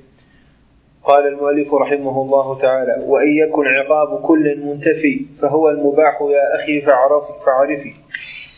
إذا انتفى العقاب عن أحد فهذا هو الأصل الأصل فيه الأصل فيه الإباحة وهذا أراد بذلك ما يخرج عن الأنواع عن الأنواع السابقة. عن الأنواع السابقة. ومعلوم أن العقاب ينتفي أيضا ينتفي عن المكروه. ولكنه أراد ما يخرج عن ما يخرج عن المكروه. ولكن نقول هل العقاب ينتفي عن المكروه على الإطلاق أم لا؟ نقول إن المكروه الدوام فيه لا ينتفي عنه العقاب وإنما المراد بذلك هي الأفعال العارضة. لماذا؟ لأنه لا يمكن أن يداوم الإنسان على مكروه إلا وجر إليه محرم. إلا وجر إليه محرم. فإذا داوم الإنسان على سنة فالسنة تضبط الواجب. وتجلبه وتؤكده ولهذا تجد الإنسان الذي يحرص على السنن الرواتب الفرائض لديه اضبط من الذي يفرطها. ولا يمكن أن تجد الإنسان يضبط الفرائض ضبطا أكثر من شخص يؤدي السنن الرواتب. لماذا؟ لأن الرواتب أمر زائد عن أمر زائد عن الفرائض. فإذا جاءت في نفس الإنسان بالامتثال فلا يتحقق ذلك إلا بضبط ما هو أولى منها. فإذا فرط الإنسان في ذلك لا يمكن أن يضبط الفرائض أكثر أكثر من غيره. ولهذا نقول إن المستحبات متممات للواجبات وإن المكروهات محصلات للمحرمات. المكروهات محصلات للمحرمات. ككثير من الأفعال التي يفعلها الإنسان يتجرأ فيها شيئا فشيئا كما في قول النبي عليه الصلاة والسلام في قول عليه الصلاه بينهما أمور مشبهات لا يعلمهن كثير من الناس فمن اتقى الشبهات فقد استبرأ لدينه وعرضه ومن وقع في الشبهات فقد فقد وقع في الحرام كالراعي يرعى حول الحمى يوشك ان يوشك أن يواقع. ألا وإن لكل ملك حمى ألا وإن حمى الله محارمه. ولهذا جاء في خبر عمر فمن وقع في الشبهات فلا يلومن الا إلا نفسه.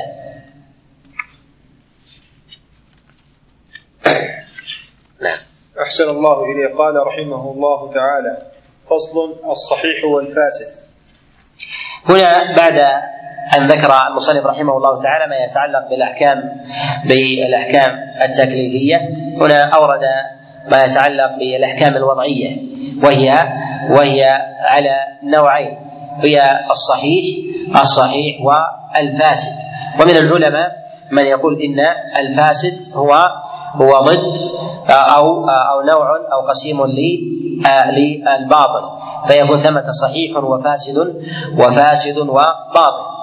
والأحكام التكليفية الأحكام التكليفية وهي ما تقدم الإشارة إليه بالواجب والمندوب والمباح والمحرم والمكروه تتعلق تتعلق بمجموع أفعال العبادات مجموع أفعال العبادات. فيجمع الإنسان فيها الواجبات مما شرعه الله عز وجل وهي أشياء كثيرة على سبيل اللزوم والدوام وأوصاف بعينها تقع على صور بعينها قد دل الدليل عليها. وأما بالنسبة للصحيح والفاسد فإنه متعلق بغيره متعلق متعلق بغيره. لا يكون لازم على صفة بعينها مشروعة وإنما ما كان خارج عن حكم عن حكم الشرع.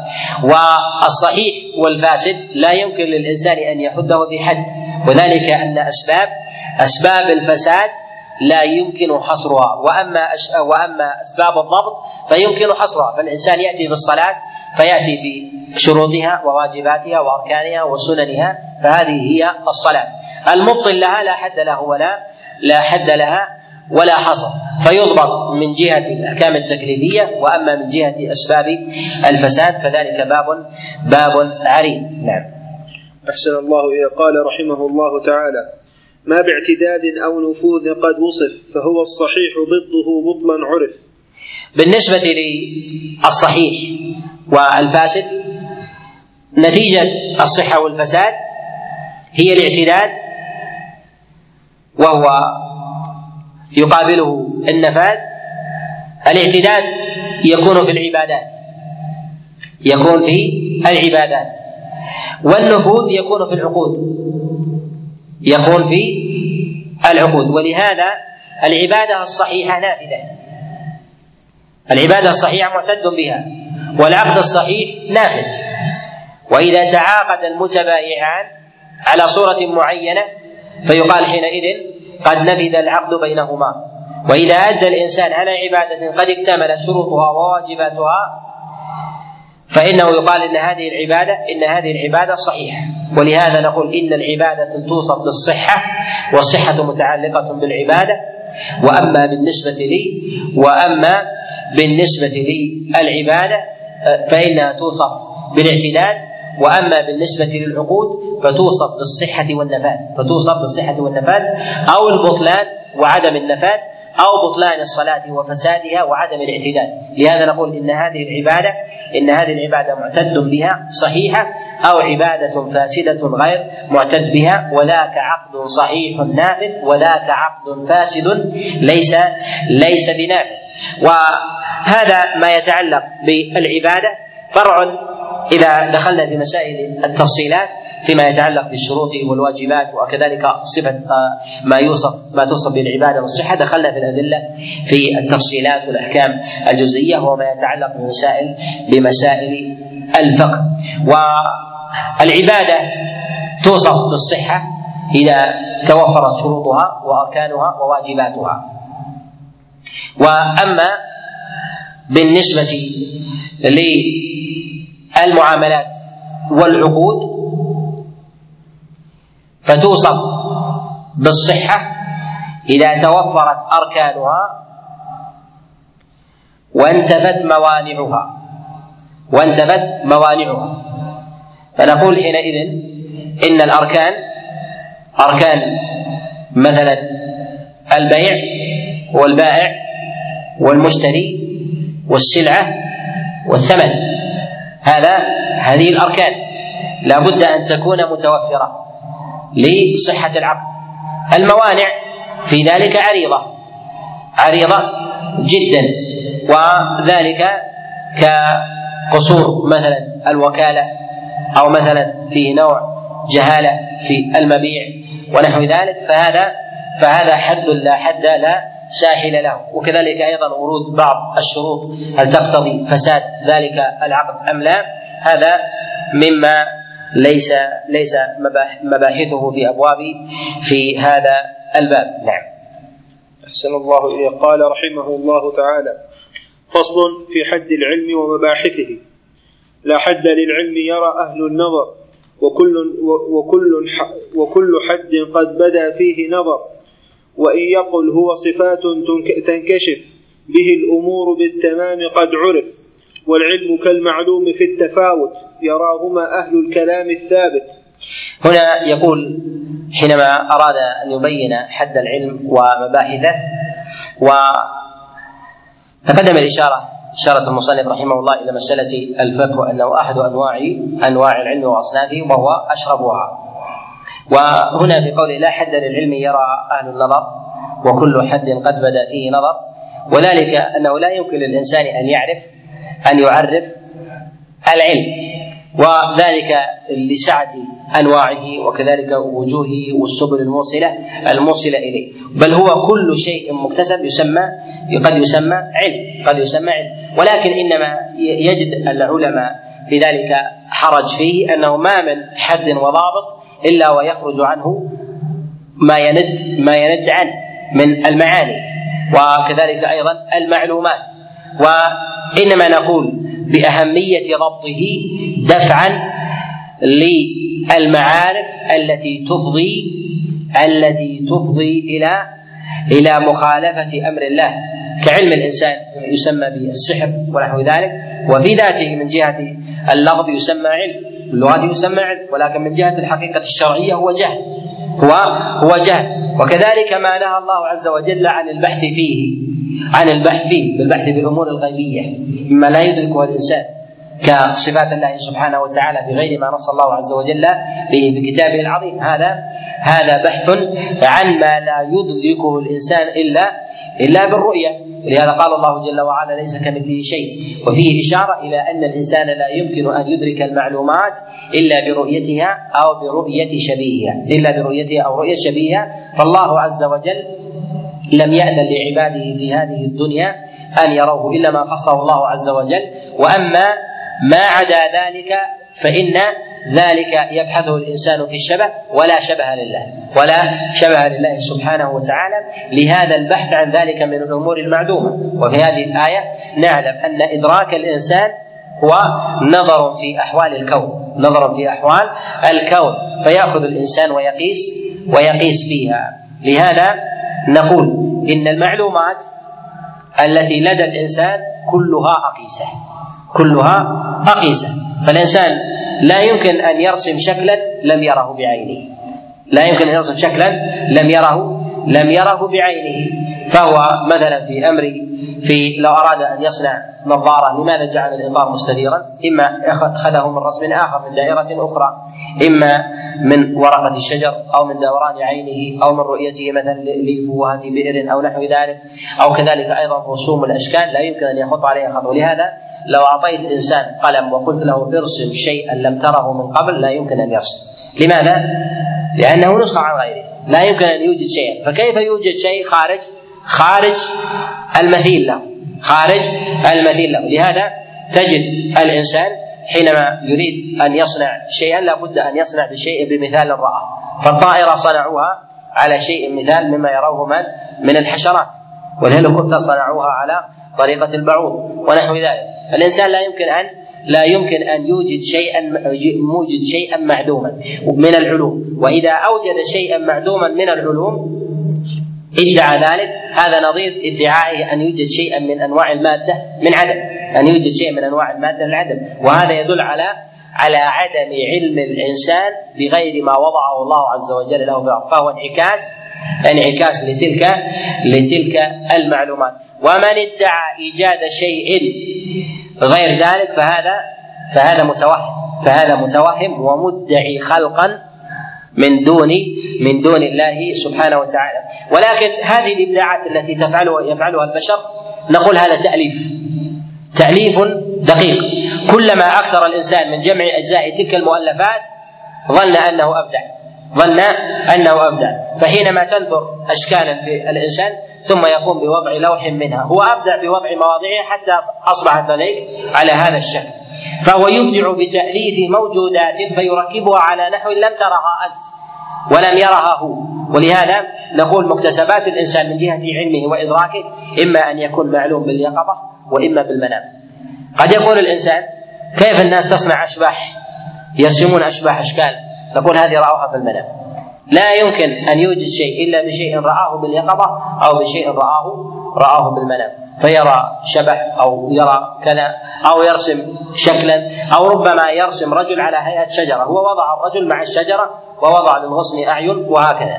ولهذا تجد مثلا من يجعل للتفاحه أعين ويجعلها تتكلم وضع لها فم أخذ الفم من هنا وركبه في هذه فاصبح هذا الشكل. أما أن يوجد شيئا من عدم لا يمكن أن يتحقق لا يمكن أن يتحقق أن يتحقق هذا. ومن جهة حده لا بد له لأن العلم ينفع والجهل يضر. العلم ينفع والجهل يضر. وثمة معلومات هي الداخلة في أبواب المكتسب وتضر الإنسان لكونها جهل. لكونها لكونها جهل. كذلك أيضا العلم له حد فإذا تجاوزه الإنسان أضر تجاوزه الإنسان أضر به كالطعام. كالطعام. الإنسان جعل الله عز وجل له لذة في الطعام فإذا زاد عن ذلك قتله. كذلك العلم. وهذا لهذا جعل الله سبحانه وتعالى أعمار الناس أمة محمد من الستين إلى السبعين وقليل من يجاوز ذلك. لماذا؟ لأن ذلك العلم إن زاد عن حده أفسد أفسد على الإنسان نفسه. فابتكر كيف يقتل الناس؟ لأنه متمرد يحب الصدوة فلهذا تجد الإنسان الله عز وجل يجعل له عمر ستين وسبعين ثم يقضي عليه. لماذا؟ لأنه لو أصبح ألف وألفين وثلاثة آلاف وأربعة آلاف ماذا يصنع؟ وهو صنع في ستين وسبعين صاروخ أو قنبلة ذرية ونحو ذلك. ولكن الله عز وجل يقضي عليه. لماذا؟ حتى يموت العلم معه. يأتي ابنه بعد ذلك يجد فتات من أبيه شيء من العلم فيبدأ يبني. فإذا أراد أن يصل قضى الله عز وجل عليه. وهذا لهذا جعل الله عز وجل للبشر سنا معينا. قد يقول قائل إن الزمن السابق كنوح وغيره أعمارهم بالألف. ونحو ذلك. نقول لأن العلم المكتسب من الأمم السابقة قليل لأنهم هم أول الأمم. والعلم الموروث بدأ يزيد وينتقل شيء فشيء. وكلما جاء جيل ومات الشخص مات معه أكثر من شطر علمه وبقي الشطر الباقي. منهم من يستفيد منه شيئا ومنهم من لا يستفيد. ولهذا الله عز وجل يقضي على الإنسان كثيرا ويقصر عمره ويأتي سبحانه وتعالى بالكواكب لماذا؟ لصلاح البشرية، لماذا؟ لأنهم زادوا في أبواب العلم، لماذا؟ لأن قدرة الإنسان البشرية لا يمكن أن تتقبل مثل هذه الزيادة من العلم. طاقتك البشرية لا تطيق أن تتعلم أكثر من هذا، لماذا؟ لأنك ستفسد، لا من جهة العقل ولا من جهة التطبيق عليه، ولهذا نقول لا بد فيه من ضبط ضبط العلم كما يضبط يضبط أمر الطعام الطعام والشراب وإلا لفسدت البشريه كما تفسد حينئذ حينئذ الأبدان ولهذا نقول إن الله جل وعلا جعل لكل شيء قدرا ومن رحمة الله سبحانه وتعالى أن البشر ما أوتوا من العلم إلا إلا قليلا نعم. ولهذا هنا ذكر يقول وإن يقل آه، هو صفات تنكشف به الأمور بالتمام قد عرف والعلم كالمعلوم في التفاوت يراهما أهل الكلام الثابت. العلم كما تقدم على قسمين هو علم ضروري وعلم نظري وتقدم الكلام على هذا على هذا التقسيم. وكل من كشف عن الإنسان فهو علم ولكن العلم منه ما هو محمود ومنه ما هو مذموم. منه ما هو محمود وما هو مذموم. والعلم المحمود الذي الذي يعود على الإنسان بالنفع والمذموم الذي يعود عليه يعود عليه بالمضرة والجهل فيه علم. الجهل بالعلم الضار علم بذاته. نعم. أحسن الله إليه. قال رحمه الله تعالى وعده ضرورة حيث ورد حيث ورد من دون فكر أو دليل يعتمد. يقول وعده ضرورة حيث ورد من دون فكر أو دليل يعتمد.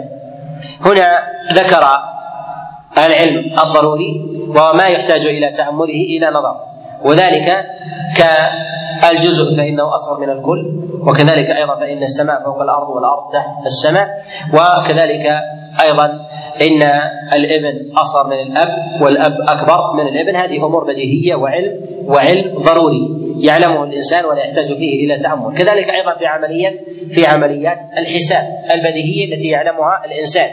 والعلم الضروري يتحقق الإنسان بعد شيء من نظر سابق فاستقر لديه فتمحص فأصبح مستقرا لديه فأصبح وصف ذلك العلم الوارد إليه علما علما ضروريا. والبينة على هذا العلم شاق. العلم الضروري إثباته شاق.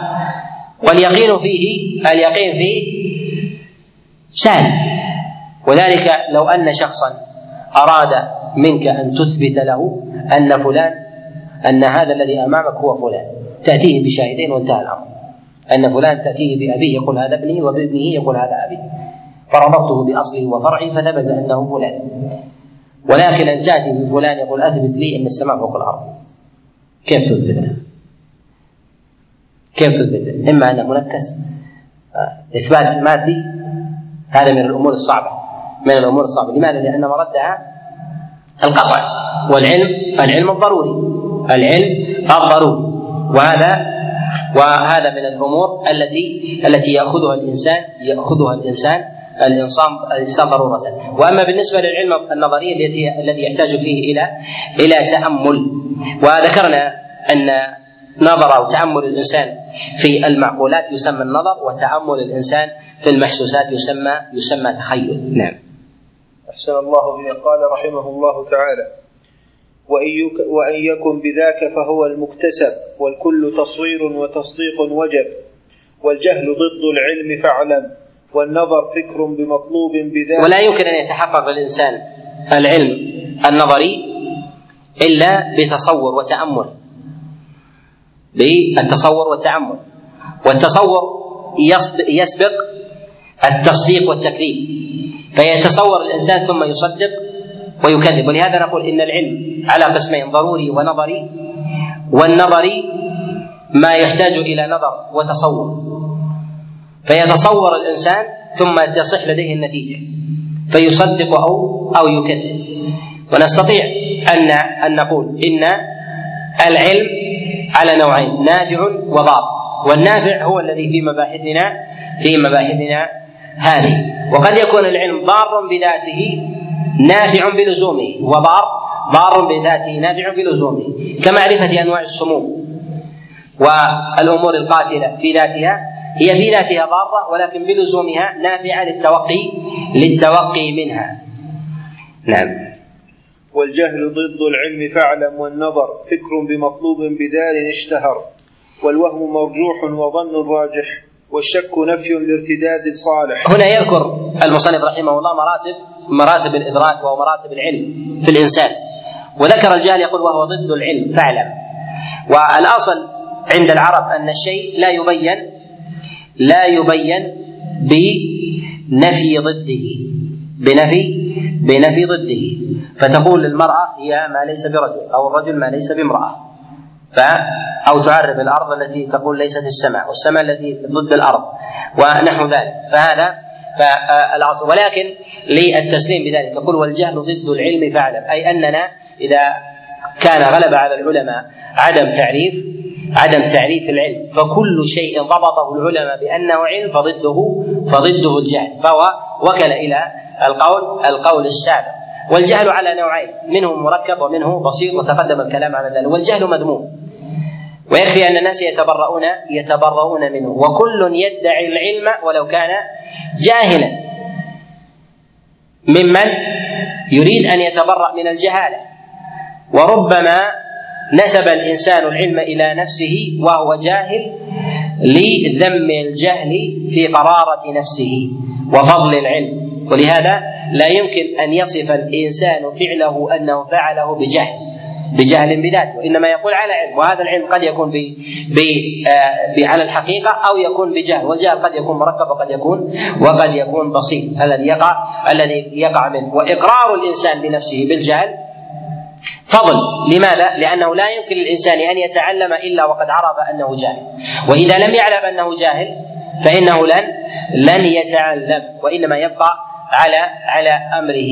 و يقول والنظر فكر بمطلوب بذلك. اشتهر النظر الإنسان وقصده فيه ويسميه العلماء التأمل أو التفكر. في ذاته. وإذا كانت الذات متعددة يسمى الصبر. يسمى الصبر. ولهذا لدينا صبر وتأمل أكثر من عين.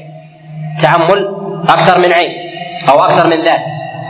وأما التفكر هو تفكر في ذات واحدة. وقد يزيد ولكن من غير مقارنة لبعضها البعض. والإنسان إذا أراد أن يصبر أحوال الأرض أو يصبر النجوم أو يصبر أحوال الناس فهذا أمر متعدد وإذا أراد أن ينظر في شيء بعينه فإنه يتأمل ويتفكر وهذا كله يوصف يوصل الإنسان إلى شيء من العلم. ثم أراد المصنف رحمه الله أن يبين أن أعلى مراتب الإدراك هو العلم. أعلى مراتب الإدراك هو العلم. وضده الجهل. وضده الجهل. ويأتي لدينا شك وظن ووهم. الشك هو تردد الإنسان بين أمرين بلا مرجح. بلا بلا مرجح. والظن هو تردد إنسان بأمرين مع رجوح أو رجحان أحدها أو أحدهما. الثالث الوهم وهو ما يقابل الظن. وهو المرجوح في مقابل الراجح. وهذه كلها دون العلم. والعلم يختلف في الإنسان. ثمة علم وثمة علم اليقين وثمة عين اليقين. وأعلى المراتب هو علم عين اليقين. أي أن الإنسان شاهد بعينه فأنت تعلم أن ثمة بلد اسمها مكة. فإذا كثر العلم لديك أصبح علم يقين. وإذا ذهبت إليها أصبح علم اليقين. ولهذا إبراهيم عليه السلام قال لربه أرني كيف تحيي الموتى؟ قال أولم تؤمن؟ قال بلى ولكن ليطمئن قلبي. أراد عين اليقين لأنه في السابق على علم يقين على علم على علم يقين لهذا نقول إن أعلى المراتب هي أمر المعاينة. والعلم والتكليف يتحقق بأصل العلم. العلم يتحقق بأصل بأصل العلم. نعم. أحسن الله إليك. قال رحمه الله تعالى باب مباحث الكتاب. كلامنا أمر ونهي وخبر عرض مع استفهام أرباب النظر مع التمني فاعلمنه فاعلم مع التمني فاعلمنه والقسم. نحو نرى والله فينا من ظلم وما بقي موضعه محققا فسمه بعد مجازا مطلقا. هنا أراد المصنف رحمه الله أن يدخل إلى شيء من مباحث الكتاب وأراد أن يذكر شيئا آه، من كلام العرب وأراد أن يبين أقسام أقسام الكلام الذي هو من مباحث من مباحث الكتاب وأن الكلام إنما هو أمر أو نهي وخبر وعرض مع استفهام أرباب أرباب النظر. والأمر في لغة العرب هو الطلب هو الطلب. وفي اصطلاح العلماء هو استدعاء فعل ممن هو دونك على سبيل الوجوب والاستعلاء. فالله سبحانه وتعالى أمر عباده أمر عباده بشيء من الأفعال. فهذا أمر منه سبحانه وتعالى. فالأمر إذا كان من عالي فإنه يسمى يسمى أمر. وأما إذا كان ممن هو دونك فإنه يسمى يسمى دعاء. يسمى دعاء. ولهذا الإنسان الله عز يقول لربه سبحانه وتعالى اغفر لي. هذا أمر. لكن هل هو على سبيل الوجوب؟ ودعاء فإذا كان ممن دون إلى من هو أعلى يسمى دعاء. وإذا كان من أعلى لمن هو دونه يسمى أمر. يسمى يسمى أمر. وإذا كان بشخص مساو لك كطلب الإنسان من مسؤول أو نحو ذلك أن يعطيه كذا فيقولون هذا هذا عرض أو التماس أو نحو ذلك. لأنه مساو لك في التكليف. مساو لك في مساو لك في التكليف.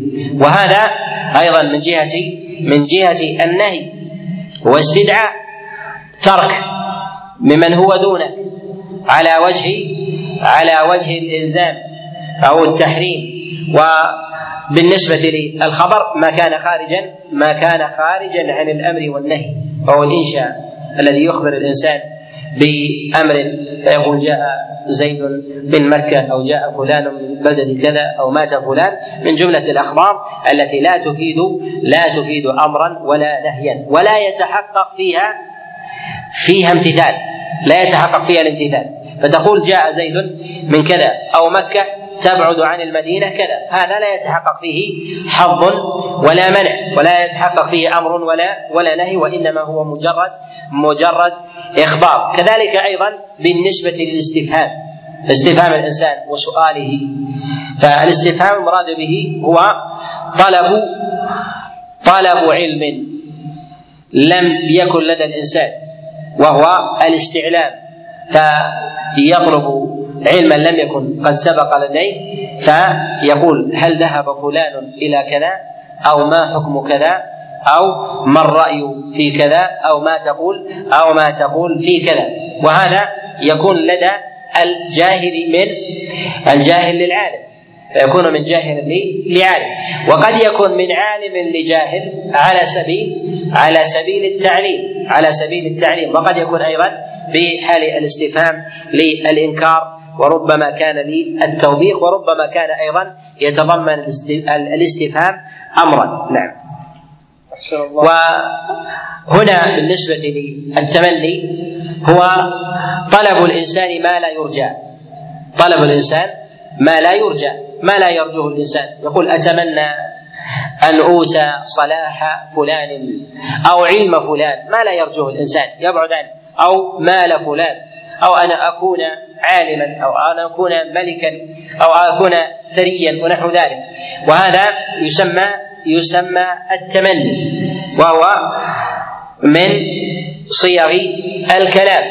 قال فعل من؟ والقسم نحو نرى والله فينا من ظلم. والقسم حروفه هو إشارة إلى تعظيم المقسم المقسم به ولا يكون إلا من العبد إلا لربه سبحانه وتعالى. يقول وباقي موضوع موضوعه محققا فسمه بعد مجازا مطلقا. الكلام كلام العرب ينقسم إلى قسمين إلى حقيقة إلى حقيقة ومجاز. والحقيقة تنقسم إلى ثلاثة أقسام. القسم الأول الحقيقة الشرعية. الثاني الحقيقة اللغوية. الثالث الحقيقة العرفية. وأولى ما يقدم في المباحث الشرعية في المباحث الفقهية هي الحقيقة الشرعية تقدم على غيرها ولا بد لطالب العلم والمتعلم أن يعرف الحقائق كلها عند البحث والنظر. لأنه ربما يرد في نصوص الشريعة الحقيقة والمراد بها الحقيقة اللغوية كلفظ الصلاة. فإن الغالب استعمالها على الحقيقة الشرعية بالعبادة ذات ذات الأقوال والأعمال المعلومة. المفتتحة بالتكبير المختتمة بالتسليم. وقد تأتي على الحقيقة اللغوية بالدعاء. حتى لا يخلط الإنسان بين هذا وهذا. فيعرف الأشياء لغة ويعرف الأشياء شرعا. كذلك أيضا بالنسبة للحقيقة العرفية. لا بد للإنسان أن يعلمها. لماذا؟ لأنه يلزم من ذلك الحكم. الحقيقة العرفية كلفظة الدواب أو المصطلحات التي يطلقها الناس في الشارع. فيعرف عرف البلد الفلاني وعرف البلد الفلاني وعرف البلد الفلاني. فإذا أطلق أو تعارف أهل البلد على لفظة معينة يطلقونها فيحمل عليه. فيحمل عليه. مثال ذلك مسألة الدابة. الإنسان في لغة العرب الدابة هي ما يدب على الأرض حتى ولو كان ولو كان إنسانا. ولو كان ولو كان إنسانا. بعضهم يجعلها على ذوات الأربع على ذوات الأربع. إذا قال الإنسان والله لا أركب دابة والله لا أركب دابة وقصد شيئا معينا بعينه فحمله أحد على ظهره. هل هذا من ركوب الدابة؟ أم لا؟ نقول يرجع في ذلك إلى الحقيقة العرفية إلى عرف الناس. ما لا يقصد بالدابة؟ هل يطلقون الدابة على الناس؟ أو نحو ذلك. إذا للناس مقاصد. بعض الناس يطلقون كلمة زول يريدون بذلك الشخص. وفي عرفنا فيما أظن كلمة زول هو الخيال. وإلا لا؟ هو الخيال. وأما في بعض العرب يطلقون كلمة الزوج يريدون بذلك يريدون بذلك الرجل وربما الطيب ويحمدون بذلك. فإذا قال الإنسان والله لو رأيت زوج لا اتصدقن بكذا وكذا. إذا رأى خيال هل ينطبق عليه هذا؟ لا ينطبق عليه. يرجع في ذلك إلى ماذا؟ إلى الحقيقة العرفية إلى عرف الناس. ما هو العرف كلمة الزول؟ لديكم. وهذا له له اصطلاحات كثيرة كثيرة جدا لدى الناس يتباينون من بلد من بلد إلى بلد. كذلك أيضا أحيانا يأتي الإنسان ويخالف الحقيقة الشرعية والحقيقة اللغوية ويرجع فيه إلى كلامه. ولهذا تجد مثلا بعض العجم حينما يطلقون وقد رأيت شيء من هذا حينما يطلقون يكتبون حتى في الصكوك لأزواجه للرجل لزوجته يقول أنت أنت أنت يقول أنت طالق. يوجه الخطاب إلى زوجته بخطاب الذكر بخطاب الذكر. هذا الخطاب للذكر. هل نرجعه إلى اللغة؟ فاسد. في الشريعة لا يتوجه إليه. أما من جهة العرف يقول نحن نطلق هذه العبارة. نقول إذا أطلقت هذه العبارة لا حرج. كذلك أيضا من جهة ألفاظ الطلاق. إذا أطلق الإنسان عبارة من جهة اللغة لا تستقيم لا تكون من جهة الانفكاك بين الزوجين. كذلك ليست من ألفاظ الطلاق في الشريعة. نرجعها إلى إلى العرف إلى العرف فنحكم بذلك. لهذا نقول لا بد من معرفة الحقائق اللغوية الحقائق الشرعية والحقائق العرفية. ما يتمكن من معرفة الإنسان غالبا هو الحقائق اللغوية والشرعية هي في متناول الجميع. أما العرفية فإنه لا بد من معرفة حال البلد وهذا ما ينبغي للعالم أن يكله إلى أهل بلده. فإذا اتصل عليه أحد من أهل البلد فقال قلنا كذا وكذا أحله إلى إلى عرف أهل البلد. وبين له الحكم الشرعي ثم هذه اللفظة وما المراد منها عند عند أهل البلد حتى يكون الإنسان دقيقا دقيقا في حكمه. والمجاز والحقيقة. هنا من الكلام مما يطول على هذه المسألة وهذا من مواضع الخلاف هل الكلام ينقسم إلى حقيقة ومجاز وخلاف العلماء في ذلك هو من القديم ومنهم من قال إن تقسيم الكلام إلى حقيقة ومجاز هو من الأمور الحادثة. ومنهم من قال إن هذا من الأمور المستقرة. تبين العلماء في ذلك. ومنهم من أثبت المجاز في لغة العرب ولكن ينفيه عن ينفيه في في كلام الله سبحانه وتعالى باعتبار أنه كله على الحقيقة لأنه يلزم من ذلك الامتثال على الظاهر. وإذا كان مجازا لم يكن ثمة امتثال.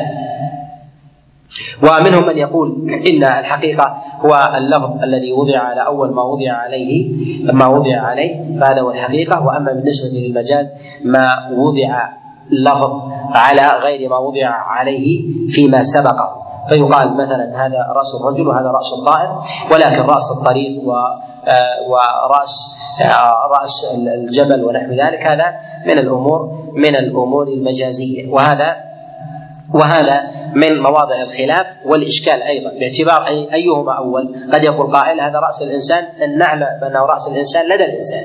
ولكن بالنسبة للبهائم وبالنسبة للجبال ونحو ذلك يقل استعمال الناس لها باعتبار باعتبار انها ليست مماسه لهم في الغالب فيطلقون ذلك على أحوالهم. فالكثرة والقلة من جهة الاستعمال لها أثر في استقرار المعنى لدى نفوس الناس. قد يقول قائل إذا قلنا إن هذا رأس الإنسان سابق لرأس الطريق فيكون رأس الطريق مجاز ورأس الإنسان حقيقة. قد يؤتى ويستدرك عليه نقول أيهما سبق الآخر بالإثبات؟ ايها سبق الآخر؟ ما هو الدليل على أن رأس الإنسان أطلق عليه الرأس قبل رأس الطريق؟ ما الإثبات في ذلك من من الأمور الشاقة؟ وقد وجد هذا وهذا في كلام في كلام العرب في الجاهليه في الجاهلية والإسلام.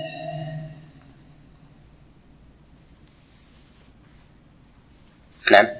أحسن الله إليه. قال رحمه الله تعالى ثانيهما ما دل بالموضوع وعكسه بضد الموضوع. نكمل إن شاء الله تعالى بإذن الله عز وجل في الغد. أسأل الله عز وجل لي ولكم التوفيق والإعانة والتسديد وصلى الله وسلم وبارك على نبينا محمد.